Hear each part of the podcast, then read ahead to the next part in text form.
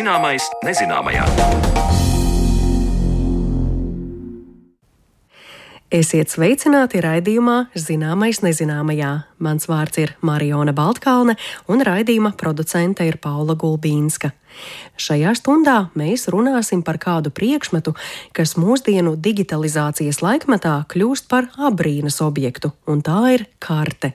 Šobrīd ļoti daudz ko rodam savās viedierīcēs, ar satelītu palīdzību telefonos atrodam savu atrašanās vietu, varam ātri uzzināt attālumu līdz citam punktam, ceļā patērējamo laiku, ja, piemēram, iesim ar kājām vai brauksim ar mašīnu.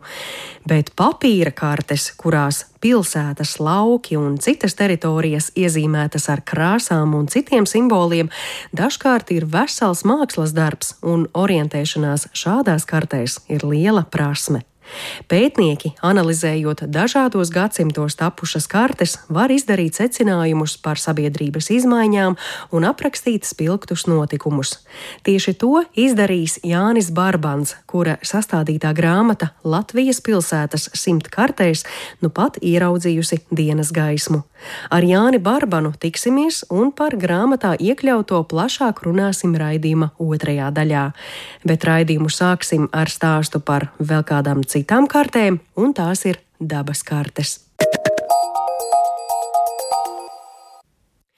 Ja esi nonācis mežā bez vietāluņa vai kartes, tad viss vienkāršākais ir orientēties pēc kvartāla numura, un tie ir piestiprināti pie koka katra kvartāla stūrī. Tā, stāstot par koordinātu noteikšanu mežā, teica dabas aizsardzības pārvaldes speciālists Dagnis Vasiljevskis. Kādas kartes izmanto meža eksperti, kur un kā paziņot par koordinātām mežā, ja esi uzgājis kādu dabas vērtību? Par to turpmākajās minūtēs Zanis Lācis Baltalksnes ierakstā katra darba diena, katrs, teiksim, došanās mežā tiešām tas ir savā ziņā liels izpētes darbs, lai saprastu, kā vienkāršāk var nokļūt līdz tam izvēlētajam objektam. Apskatoties kartē, vien tas neko nenozīmē, ir jāmāk karte lasīt, jo es parasti izmantoju topogrāfiskās kartes, jo tajās ļoti daudzās ir atzīmēts kvartāla stigas, arī parastās stigas, meža ceļi, un, eh, un arī, protams, lielāki ceļi. Tāpēc tas ir veids, ir jāsaprot, kas šajā kartē ir domāts ar katru apzīmējumu. Jo kādreiz pirms 12 gadiem, kad es sāku strādāt dabas aizsardzības pārvaldē, karšu šī izvēle bija ļoti maza. Un tur bija tā ļoti, ļoti grūti orientēties, bet tehnoloģijām attīstoties, tiešām materiāli ir palicis tik daudz, bet uh, vienalga es vislabāk izvēlos topogrāfiskās kartes, uh, jo Es esmu ļoti apmierināts ar viņās sniegto informāciju. Tā attālināti ierakstītā sarunā stāsta dabas aizsardzības pārvaldes, Latgales reģionālās administrācijas, dabas aizsardzības kontrolas un uzraudzības sektora vecākais valsts vides inspektors Dagnis Vasiljevskis. Minētās topogrāfiskās kartes, kur ir sīki attēlot apkārtne, Dagnis lieto digitālā formātā savā vietā runī, bet uzsver, ka mašīnā vienmēr glabā arī papīra formātā drukāto karti, un smaidot teica, ka ir drošs, ka tās, atšķirībā no tālruņa planšetes vai datora, nekad nevar izlādēties. Protams, ka ar šodienas tehnoloģijām kabatā var viegli orientēties dabā, bet bez tā, ka cilvēkam ir šī topogrāfiskā karte, ir jāmāk arī to lietot, kā arī jāspēj lasīt citas norādes mežā. Vispirms Dagnis Vasiljevskis sniedz īso kursu par meža sadalījumu. Ja zinām, ka pilsētā ir rajoni, bulvāri un ielas, tad kā dalās mežs ar saviem masīviem un kvartāliem?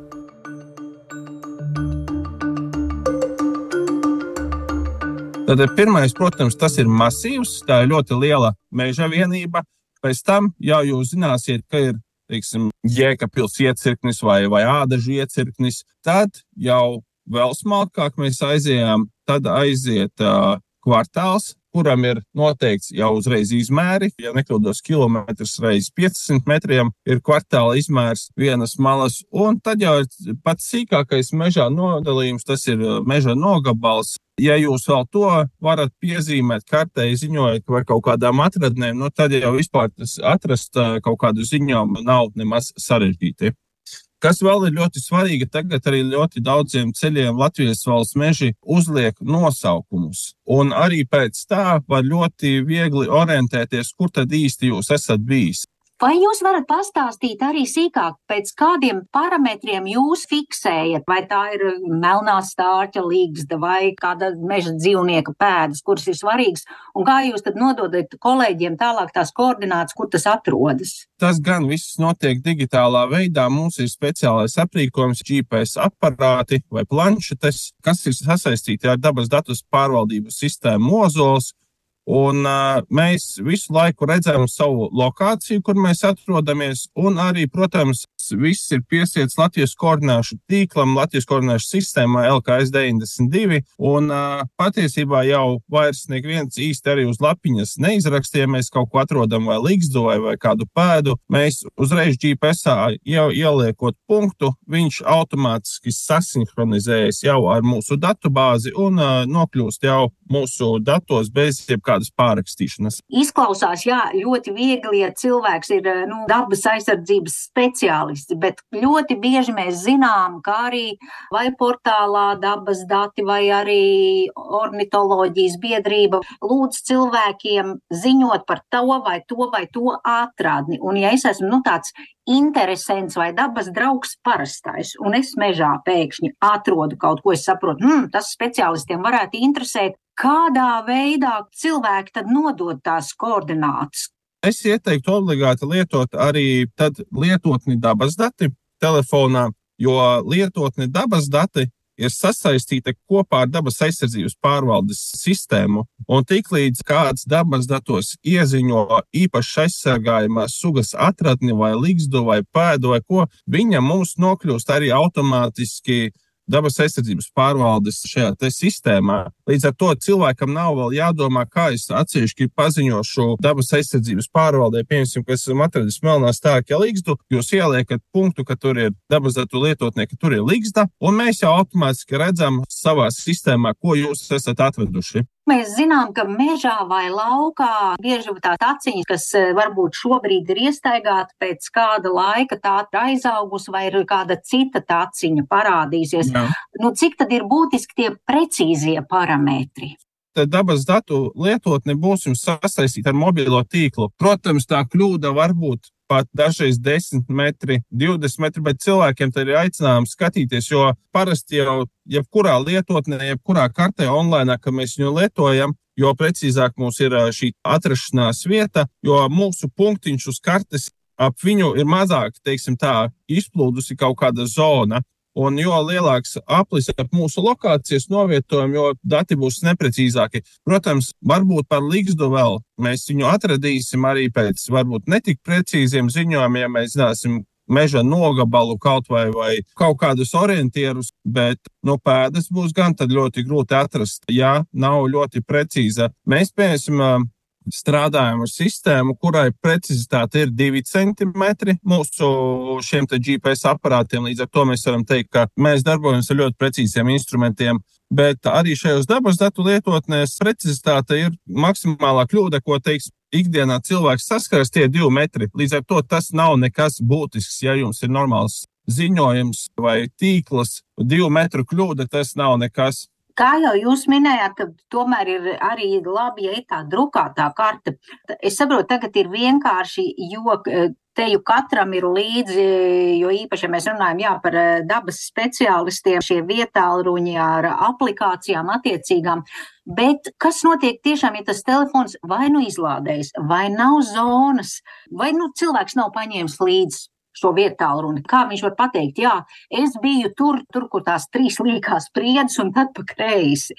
Tā taču tas nenotiek, vai tomēr arī notiek. Nu, nē, tomēr tad mēs aicinām cilvēkus, ja viņš aptuveni zina, vismaz ir kaut kādas vai nu māju vietas, vai uh, kaut kādi vietvārdi, un pēc tā var tomēr izšifrēt. Bet tad ir jāzina tiešām, kur jūs esat nākot mājās, paskatoties kartē, lai jūs zinātu, kurā vietā jūs esat bijis. Ja? Tas nebūs tik vienkārši. Mežā orientēties stipri vienkāršāk, jo lielākā daļa no mūsu mežiem ir uh, ar kvartāla numuriem, un tie kvartāla numuri ir piestiprināti katra kvartāla stūrī. Līdz ar to, nu, ja jūs kaut vai pateiksiet, ka, piemēram, 250. kvartālā tur labajā stūrī ir tā līgsta, nu, tad mēs arī zināsim, uz kuru vietu mums ir jādodas, kur mums kas ir jāmeklē. Ja reiz tagad teju ikvienam ir tālrunis kabatā, tad šķiet pietiek tik iziet mežā un uzlikt kaut vai populārāko tīmekļa karšu servisu Google Maps, jeb latviski Google kartes, un sekot norādēm. Bet meža biezoknī nevienmēr šī minētā karte būs tā uzticamākā. Skeptisks ir dabas aizsardzības pārvaldes speciālists Dagnis Vasiljevskis.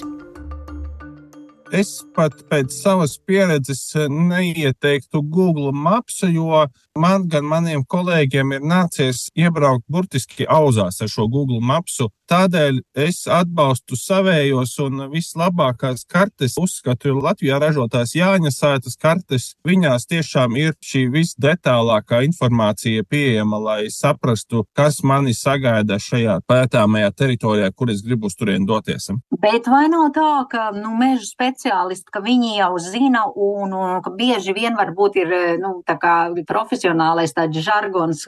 Nu, tur, kur tas lielais ozols vai tā līkā priede vai aiz izcirtuma pa labi. Protams. Nu, tas ir tiešām tas jau cil, to, tāds saka cilvēks, kurš to meža masīvu vai to apgabalu apmeklē ikdienā, un viņš var runāt arī šādiem vārdiem, ka jūs sakat, pie ceļa trešā pagrieziena, tur pie priedes otrās, tur jūs atradīsiet kaut ko. Nu, tas ir diezgan, diezgan briesmīgi atrast tādu ziņojumu Tādēļ mēs tad uzreiz lūdzam precizēt vismaz kaut kādu apdzīvotas vietas stūmu, ceļa nosaukumu vai kaut kādu sataustāmu, izlasāmu orientieri, lai vieglāk mums ir saprast, par kuru vietu ir runa. Kā jums pašam ir, Dagni, cik reizes ir jāiet mežā, lai saprastu, kur jūs esat un uz kuru pusi doties? Patiesībā tas Mēs vispār daba kā tāda katru reizi mainās. Pateikt tā, ka uh, es atradīšu izēju bez jebkādām kartēm vai nu, tā, uh, aizvērtām acīm. Es to neņemos teikt. Protams, ir vietas, kuras ir vieglāk atcerēties, vieglāk izējamas, bet es vienalga ņemu līdzi aparātus vai iepriekš sagatavojos, lai uh, mana iešana neieilgtu vai mani nesagaidītu kaut kāds nepatīkams pārsteigums, vai es esmu pilnīgi lieki visu dienu nostaigājis un izrādījis, ka man bija jābūt varbūt 300 vai 400 metri pavisam citā vietā. Līdz ar to es neieteiktu uz tādu, tādu paļauties. Jo, saku, notiek kaut kādas visas laika pārmaiņas, vai nu mums kaut ko, kaut ko mežos, piemēram, izcērt, vai tieši apstāda, vai laukos arī šķiet, tā, tā bija tā pļava pēkšņi kaut kādus krūmus nocērt, vai apsēja kādu tīrumu, līdz ar to visi orientieri pazūd automātiski. Tāpēc es negribētu ieteikt cilvēkiem paļauties uz to, ka jūs zināt vienmēr, kur jūs atrodaties. Vajag vienmēr sagatavoties, tomēr pirms ejiet kaut kur ārpus uh, savas ierastās vides. Ja? Bet es saprotu, ka šodien, pateicoties tehnoloģijām, ir daudz, daudz vieglāk orientēties nekā tas bija pirms gadiem 15, 20. Protams, viennozīmīgi par to nav šaubu. Tagad uh, apmaldīties cilvēkam ir stipri vien grūtāka, jo pa šiem arī gadiem, kad es strādāju dabas pārvaldē, man šķiet, esam teiču purvā vienreiz cilvēku meklējuši. Viņš nevarēja atrast izēju. Vienmēr visi cilvēki atrod, jo viņiem tieši tā ir vietāluņi, un uh, viņi ir palikuši cilvēki arī gudrāk. Viņi tiešām sagatavojas tam pirms iešanas dabā. Ja arī mežā gājējam vienalga pieredzējušam vai nepieredzējušam ir zuduši visi orientieri, tad galvenais, lai būtu vienalga kāds, bet uzlādēts mobilais tālrunis, ar ko sazvanīt glābējus. Tā teica dabas aizsardzības pārvaldes, Latgales reģionālās administrācijas, dabas aizsardzības daļas kontrolas un uzraudzības sektora vecākais valsts vidas inspektors Dagnis Vasiljevskis.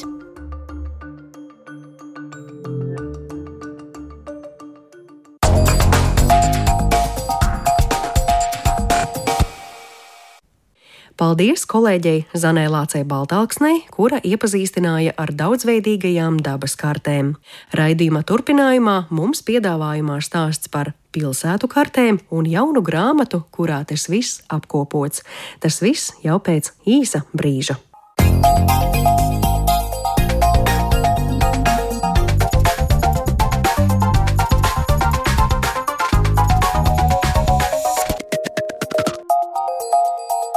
Zināmais nezināmajā.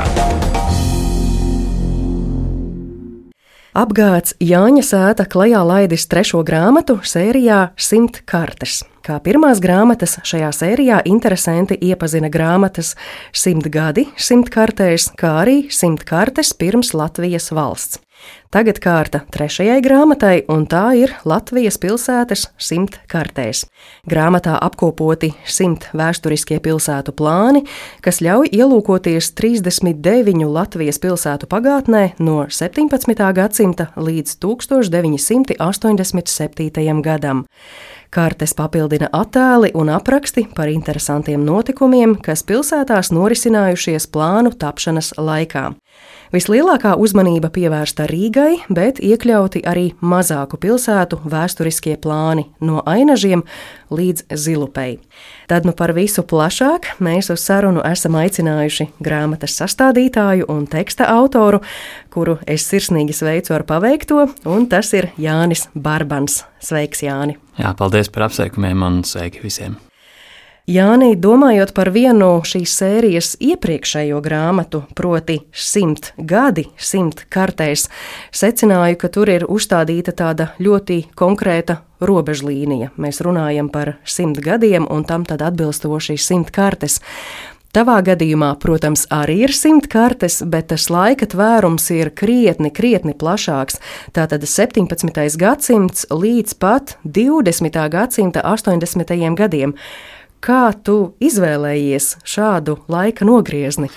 Jā, pirmā sērijas grāmata, kurai es arī biju autors, tapa kā veltījums dāvana Latvijas simtgadu jubilejā. Tur tas formāts, laika nogrieznis, protams, bija ļoti konkrēts. Simtgadu jubilejā tiem, protams, jābūt simts gadiem. Pēc tam, kad tapa otrā grāmata, mēs secinājām, ka ir palikušas ļoti daudz ļoti skaistas un interesantas kartes, kas pirmajā grāmatā neiekļuva, jo viņas vienkārši ir senākas par Latvijas valsts nodibināšanu un tur tas laika posms tika paņemts no 18. gadsimta beigām. Un tad mēs nonācām pie trešās grāmatas idejas, kur mēs izlēmām sevi ierobežot nevis laikā, bet uh, tematikā. Tātad, ja pirmajās divās grāmatās bija dažne dažādas kartes par konkrētu laika posmu, tad eh, šajā grāmatā ir kartes par konkrētu tematiku, tie ir pilsētu plāni, bet eh, par teorētiski neierobežotu laika posmu.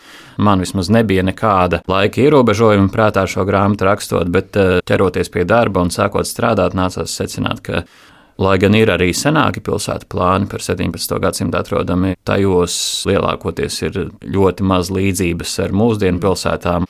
Viņi vienkārši nav tik interesanti cilvēkam, parastajam lasītājam, kurš grib apskatīt, teiksim, Masalācu 20. gadsimta sākumā, bet uh, tur vēl 20. gadsimta sākumā viss ielu tīkls un uh, daudzas ēkas joprojām ir redzamas tādas kā mūsdienās, citas lietas ir mainījušās bet eh, no senākiem laikiem, senāku laika kartēm, tur ir ļoti maz kā saglabājies līdz mūsdienām. Tā nu tas laika nogrieznis sanāca. Senākā karte šajā grāmatā ir no 1669. gada, tas ir Valmieras plāns kurā arī jāatzīst, ir diezgan maz līdzību ar pašreizējo Valmieru, bet nu, tur ir Gauja, tur ir Rācupīte, tur ir Valmieras pilsēta. Jaunākā kārta ir aizkrauklis plāns no 1987. gada, Bet uh, 87. gads tas ir tāds kā izņēmums, jo visas pārējās 99 kārtas ir tapušas laika posmā līdz otriem pasaules karam. Jā, tad 17. gadsimts varētu teikt ir tāds laiks, kad tās kartes izskatās jau pēc kartēm, kādas mēs tās pazīstam mūsdienās, bet, protams, vēl tomēr ar būtiskām atšķirībām. Jā, jā. jā tieši tā. Kā ir viss šis darbs paveikts, proti, kur visas tās kartes, kas grāmatā ir iekļautas, ir glabājušās, kā tu esi ticis tām klāt un apkopojis? Jā, nu šis ir tas brīdis, kad jāmin mūsu divi lieliskie partneri. Tā ir eh, Latvijas Nacionālā biblioteka, ar kuru mēs sadarbojāmies arī jau pirmo divu grāmatu tapšanā. Un uh, otrs partneris ir Latvijas Nacionālais arhīvs, ar kuru mēs sākām sadarboties šīs grāmatas tapšanā. Gandrīz visas eh, kartes, kas ir grāmatā redzamas, nāk vai nu no Nacionālās bibliotekas vai no Nacionālā arhīva. Kā es viņas atradu, nu, mūsdienās jau laimīgā kārtā tehnoloģijas ir gājušas ļoti uz priekšu, un digitalizācija notiek eh, gan bibliotekā, gan arhīvā ļoti veiksmīgi. Eh, šīs grāmatas tapšanā tas viss notika faktiski digitāli, datorekrānā. Ja pirms pieciem gadiem, kad tapa pirmā grāmata, tad es tiešām gāju uz Nacionālo bibliotēku, uz karšu nodaļu un skatījos citu pēc citas milzīgas kartes, tad šoreiz tas viss notika datorekrānā. Bet eh, bija sajūta, veidojot šo grāmatu, ah, un to pilsētu vēl gribas, un to, un to, un vēl to karti, bet nē, vienā brīdī ir jāliek punkts un kaut kāds limits. Jā, man jau gribējās visas pilsētas, protams, bet nācās secināt, ka ne visām pilsētām ir atrodami bibliotekā vai arhīvā kaut kādi vēsturiskie plāni, kas būtu piemēroti šādai grāmatai.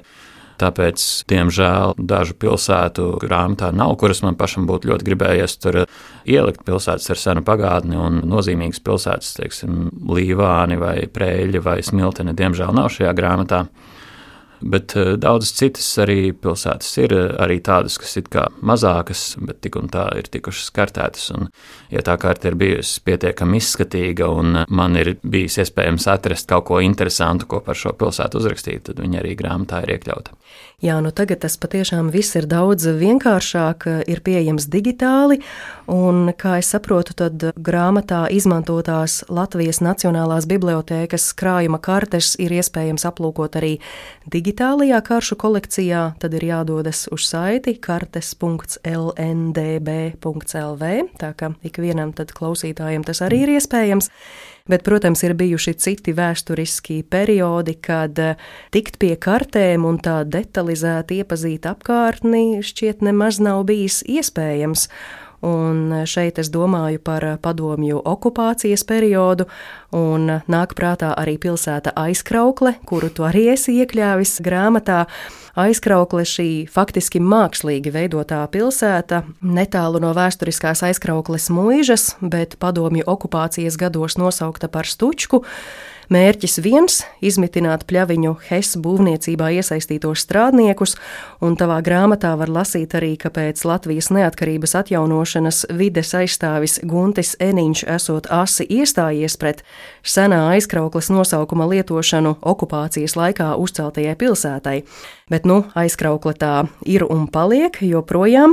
Bet, eh, jā, saistībā ar šo okupācijas režīmu tad ir jāmin slepenība. Varai droši vien nebija izdevīgi, ka cilvēku rokās kartes vispār nonāk, un pat ja nonāk, ka tajās būtu viss detalizēti aprakstīts, vai ne? Jā, tieši tā. Militārās kartes eh, padomju okupācijas laikā, protams, bija ļoti detalizētas, ļoti precīzas, ļoti sīkas, ar sīki norādītiem dažādiem parametriem, bet eh, viņas, protams, bija arī ļoti slepenas.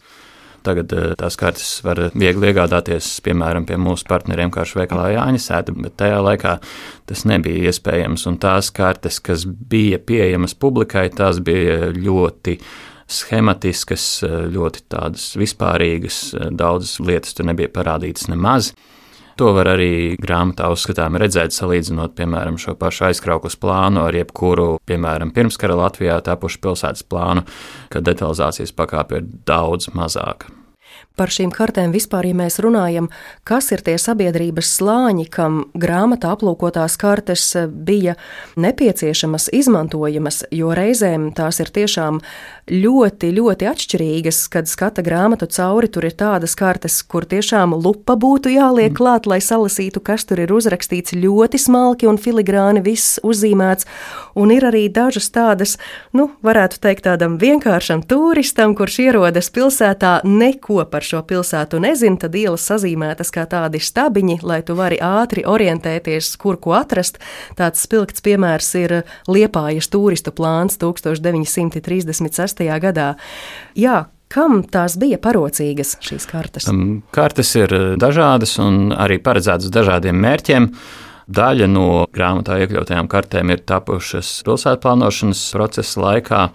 Tās, protams, ir ar mērniecisku precizitāti un precīzi norādītiem dažādiem zemes lietojuma veidiem, dažādiem paredzētiem mērķiem un tam līdzīgi. Citas kartes ir paredzētas vienkārši parastam cilvēkam, piemēram, parastam turistam, kaut vai tas pats liepājas plāns. Jā. Daļa no kartēm ir tiešām tādi oficiāli dokumenti, citas ir komerciālas, tikušas tirgotas, un to arī var kartē uzskatām redzēt. Piemēram, pēc tā, ka dažām kartēm līdzi nāk arī reklāmas, kas arī ir ļoti interesanta detaļa. Un salīdzināt, piemēram, kādas reklāmas 20. vai 30. gados bija Daugaupils kartei un kādas bija, piemēram, Jūrmalas kartei. Nu, un jūrmala droši vien kādus dzērienus vai kurortus reklamēja. Tur bija visādas glaunas mašīnas kas katrā pilsētā Jā. aktuāls attiecīgi. Var secināt, ka jēdziens karte arī ir tāds visai plašs. Vienā gadījumā tiešām tā ir gandrīz tā kā glezna, citā gadījumā plāns, vēl citā gadījumā kāds izvērsts, detalizēts skaidrojums, zīmējums, tāds diezgan uz dažādiem virzieniem attiecībā. Jā, tieši tā. Karte. Kartes ir daudz un dažādas, un patiesībā tieši šajā grāmatā viņas visas ir nosacīti līdzīgas. Un tas ir vismaz viens kāršu žanrs, ja tā var teikt. Bet uh, ir arī topogrāfiskās kartes, ir arī dažādas administratīvās kartes un uh, vēl neskaitām citi veidi, kurus var aplūkot iepriekšējās divās grāmatās. Protams, arī tās valodas ir atšķirīgas karšu virsrakstiem. Tur ir vācu, latviešu un citās valodās. Tas atkal kaut ko pasaka par vēstures posmu. Tu minēji, ka vecākā karte tā tad ir no 1669. gada, tā ir Jā. Valmieras karte. Uz to paskatoties, mēs tā uzreiz varam pateikt, ka tas tiešām pierāda, cik sena tā ir, ka tā varētu būt vissenākā salīdzinājumā ar pārējām kartēm. Valmiera nav senākā Latvijas pilsēta, bet tieši ja mēs par kartēm runājam. Jā, nu, salīdzinot ar citām šajā grāmatā iekļautajām kartēm, Valmieras karte, tā senākā Valmieras karte noteikti izceļas.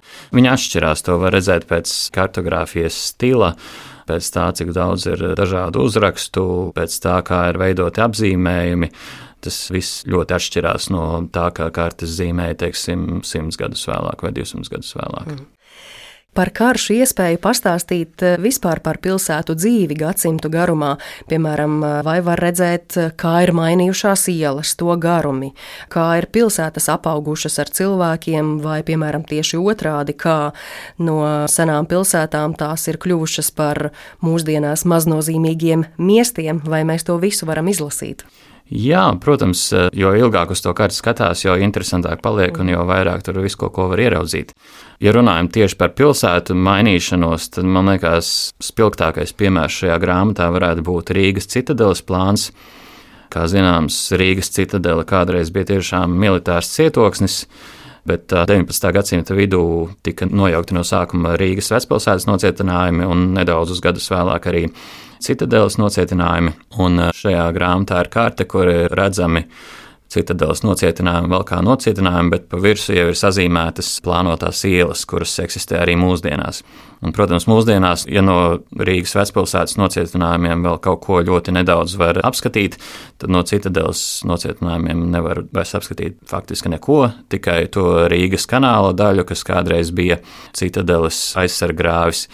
Un eh, vēl mūsdienās no citadeles var aplūkot eh, garnizona baznīcu, kas mūsdienās ir koncerta zālē Vesola, jeb senāka Pētera un Pāvila paresticīgo baznīca. Mm. Tad, ja es pareizi saprotu, ir brīdis, kad vienā kartē it kā iet paralēli divi slāņi, kā pilsēta jau mainās, vecā Jā. daļa vēl turās, bet mainās jau par jauno. Jā, Jā tieši tā, un šis citadeles plāns ir tapis tieši tajā laikā kad eh, šie nocietinājumi vēl nebija nojaukti, bet eh, viņa nojaukšana jau bija izplānota. Viss bija zināms, kā vedīs jaunās ielas, kā tas izskatīsies. Bet, tas ir gan esošais stāvoklis, gan nākotnē paredzētais stāvoklis, tur ir redzams.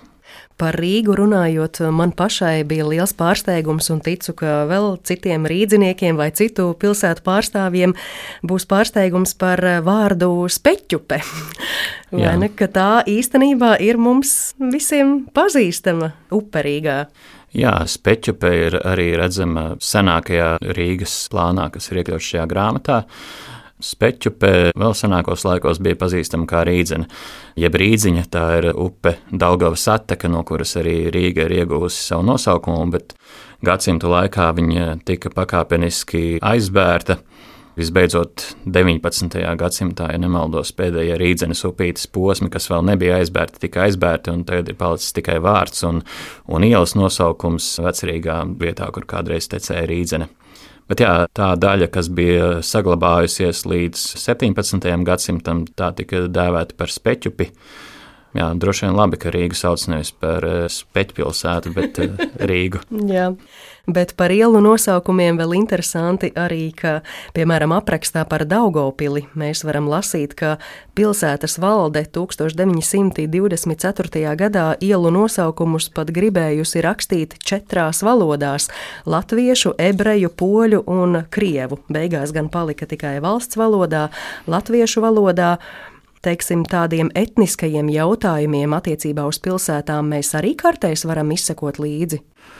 Jā, brīžiem varam ļoti uzskatāmi, teiksim, pēc tiem pašiem ielu nosaukumiem, pēc ielu nosaukumu maiņas vietām par etnisko situāciju var tikai nojaust, bet tad ir ļoti rūpīgi jāskatās, lai saprastu, kas ir mainījies, kādas pārmaiņas notikušas. Protams, gadsimta gaitā pārmaiņas ir notikušas ļoti daudz. Tas pats, piemēram, bija ļoti interesanti par Jēkabpili un Krustpili. Mēs joprojām mūsdienās par to runājam kā būtu pareizi teikt, viena pilsēta divās daļās, un arī tavā grāmatā atklājas, ka īstenībā katrā pilsētas pusē ir bijis atšķirīgs etniskais sastāvs. Tas īpaši attiecināms uz Krustpili, kur latviešu ir bijis tikai 53%, pārējie ebreji un Jēkabpili ar Krustpili savienojas kuģītis Gulbis. Un līdz ar to es domāju, vai piemēram Krustpilī, Subatē, Zilupē, Valkā, piemēram, tur ir Igauņi, vai tur tad attiecīgi arī ir svarīgi parādīt, ka lūk, šeit sākas jau varbūt kaut kāds posms, kur vairāk uzturas cita etniskā grupa. Vai tas ir svarīgi? Šķiet, ka vismaz karšu veidotājiem tas nav bijis īpaši svarīgi. Jo tas parastās kartēs īpaši netiek norādīts. Bet, jā, Krustpilī tā bija. Un tajā laikā Krustpils arī bija oficiāli atsevišķa pilsēta. Mūsdienās tā, protams, ir daļa no Jēkabpils bet eh, vēl 30. gados tā bija atsevišķa pilsēta, un slavenā Jēkabpils cukurfabrika patiesībā sākumā bija Krustpils cukurfabrika. Mm. Tātad tās bija divas kartes divām pilsētām. Jā. Mm. Tas par tādām konkrētām detaļām pilsētās, bet, ja mēs runājam par liela mēroga notikumiem, piemēram, vai kartes var pastāstīt par tādām globālām izmaiņām sabiedriskajā iekārtā, par tehnoloģiskām izmaiņām, ko sabiedrība noteikti piedzīvo no 17. līdz 20. gadsimtam, tāpat arī politiskās un varas maiņas. Vai tas viss tur ir redzams, un varbūt ir kādi spilgtākie piemēri, ko tu šajā ziņā vari minēt? Viena lieta, pēc kuras par to, protams, var spriest, ir valodas. Valodas, kādās ir veidotas kartes, ja senākām kartēm tā lielākoties ir vācu valoda un brīžiem krievu valoda, tad eh, no 19. gadsimta sāk parādīties arī kartes latviešu valodā. Bija 19. gadsimtā tāds Matīs Siliņš, kuru mēdz uzskatīt par pirmo latviešu kartogrāfu, lai gan daži citi latvieši ir kartes veidojuši arī pirms viņa, bet viņš bija pirmais, kurš to darīja tā lielā mērogā un daudz. Var redzēt, protams, arī pēc tā, kā kartes ir zīmētas, cik precīzi, cik akurāti sanāk tās ir vilktas ar brīvu roku, teiksim tā, bieži vien. Tad eh, vēlākos gadsimtos tur jau ir nākušas palīgā kaut kādas ierīces, kas palīdz uzzīmēt arvien precīzāk. Piemēram, par tehnoloģiskām izmaiņām, ja mēs runājam, 19. gadsimts ir dzelzceļa laiks. Dzelzceļš būtiski maina karšu zīmējumu. Jā, ļoti. Tā ir patiesībā viena no tēmām, kas šajā grāmatā pastāvīgi atkārtojas. Šī ir ne tikai Latvijas pilsētu vēstures grāmata, bet vienlaikus arī Latvijas dzelzceļa vēstures grāmata, tā varētu teikt. Jo daudzu pilsētu vēsturē dzelzceļam bija milzīga loma eh, pilsētu attīstībā. Daudzas latviešu pilsētas ir vai nu veidojušās, vai uzplaukušas tieši dzelzceļa dēļ.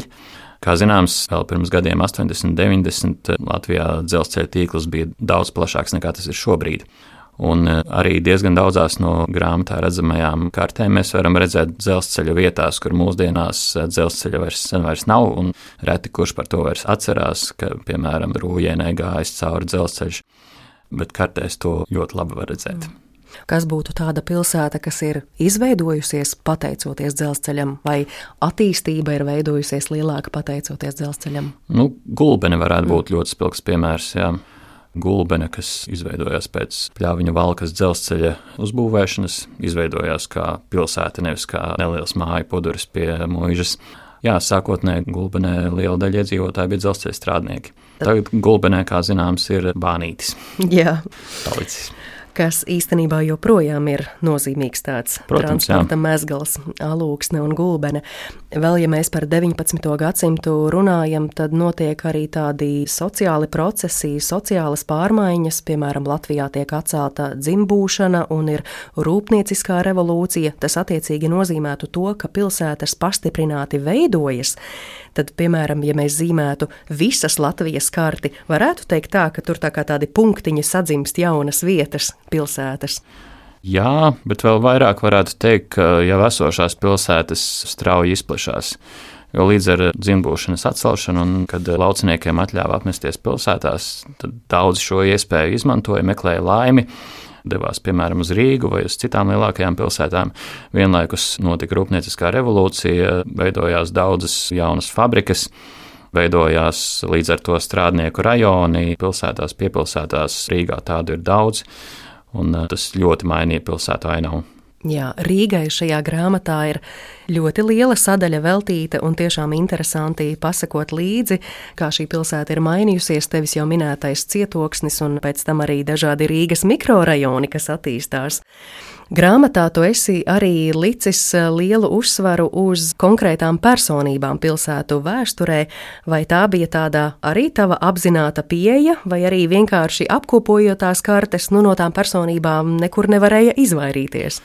Tā bija apzināta pieeja. Man šķita interesanti iztēloties, kāda ir bijusi to cilvēku dzīve.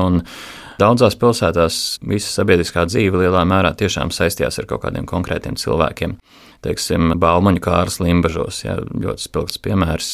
Dzīves limbažnieks kādu laiku dzīvoja Sanktpēterburgā, pēc tam atgriezās Limbažos un vadīja tur visu sabiedrisko dzīvi. Vai arī Jānis Čakste Jālgavā, arī Jālgavas Latviešu biedrības prezidents un arī visas sabiedriskās dzīves organizētājs. Protams, bija arī dažas personības, no kurām nekādīgi nevar izvairīties, jo viņi savā laikā ir bijuši tik populāri, ka ir pat iezīmēti kartēs. Tāds ļoti skaists piemērs, kas man pašam ļoti patīk, ir eh, Jānis Daliņš Valmierā.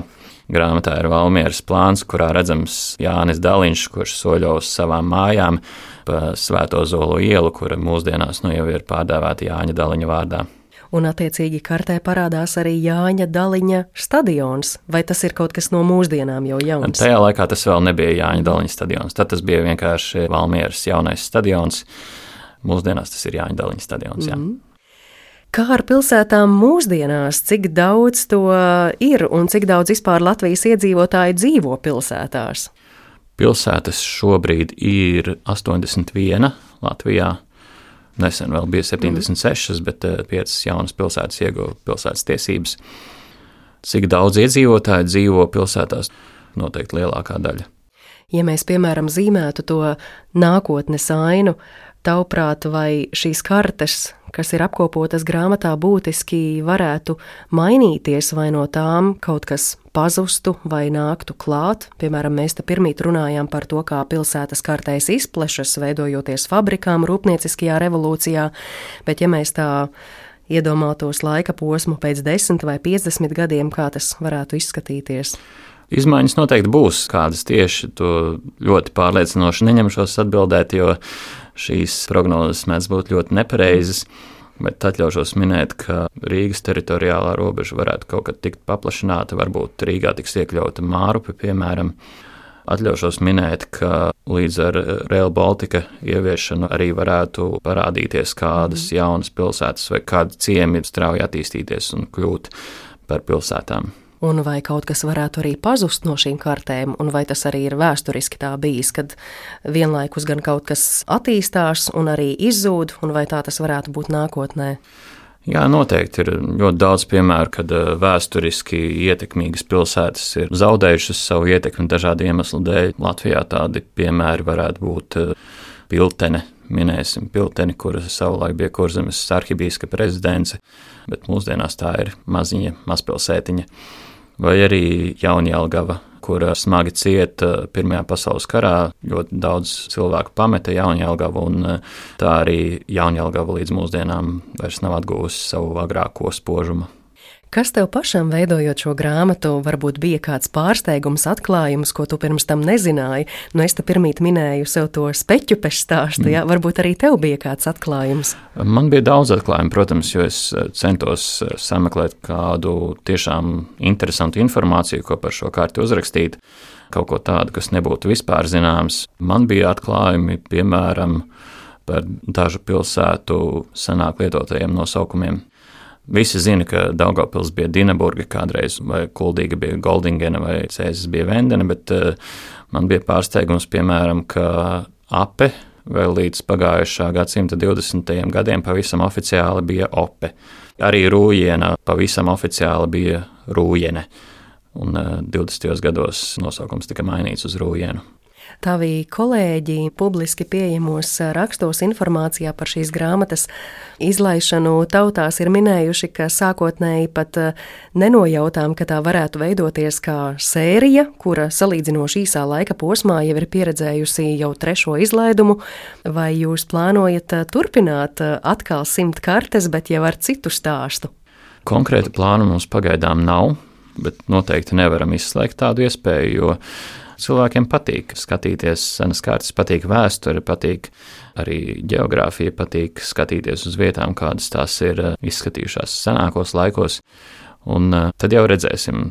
Mēs noteikti skatīsimies, kā veiksies šai grāmatai, un, ja grāmatai veiksies labi, tad mēs eh, liksim galvas kopā ar mūsu partneriem bibliotekā un arhīvā un domāsim, ko darīt tālāk. Un kā tev šķiet, vai šajā mūsdienu digitalizācijas laikmetā, kad par karti kļūst mūsu vietālrunis, kāda ir karšu nākotne liktenis, vai cilvēki tomēr gribēs atgriezties pie kaut kā taustāma, skaista un varbūt arī tiešām atrašanās vietu meklēt nevis ar telefonu un GPS, bet ar papīra karti?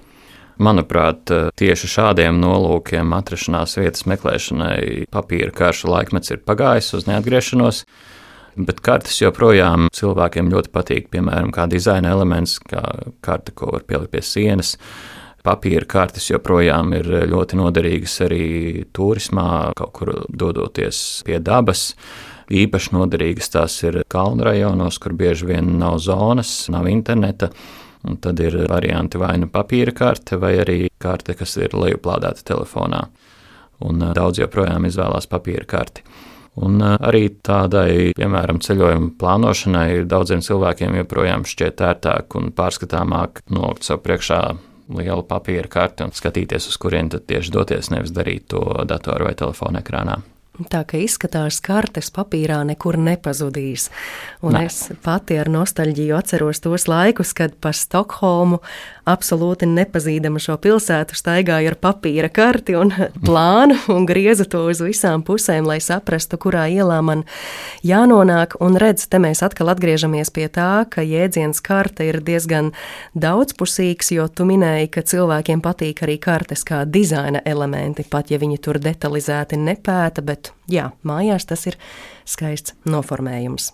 Nu, ko, Jāni, es tev saku lielu paldies, ka tu atsaucies eh, šai sarunai, un tiešām grāmata ir brīnišķīga, to ir patīkami skatīties un pētīt un piedurt pirkstu un acī šiem ārkārtīgi smalkajiem zīmējumiem, un tad atkal plati pasmaidīt, eh, cik krāšņš tas eh, zīmējums veidojas, piemēram, Latvijas Pirmās republikas laikā, kad tāds nacionālais elements parādās. Tiešām ļoti, ļoti skaista un gaumīga un patīkama grāmata. Prieks, ka tas ir izdevies un lai grāmatai skaists tālākais ceļš pie Latvijas cilvēkiem. Paldies! Klausītājiem atgādināšu, ka pie mums šodien viesos bija grāmatas Latvijas pilsētas simt kartēs sastādītājs un teksta autors Jānis Barbans. Mūsu raidījums šodien veltīts kartēm, ar to arī izskan. Par raidījumu gādāja Paula Gulbīnska, Sendija Burka Šaicānova, Girts Bišs un pie mikrofona bija Mariona Baltkalne. Paldies jums, klausītāji, lai patīkama šī diena un visa turpmākā nedēļa. Visu labu!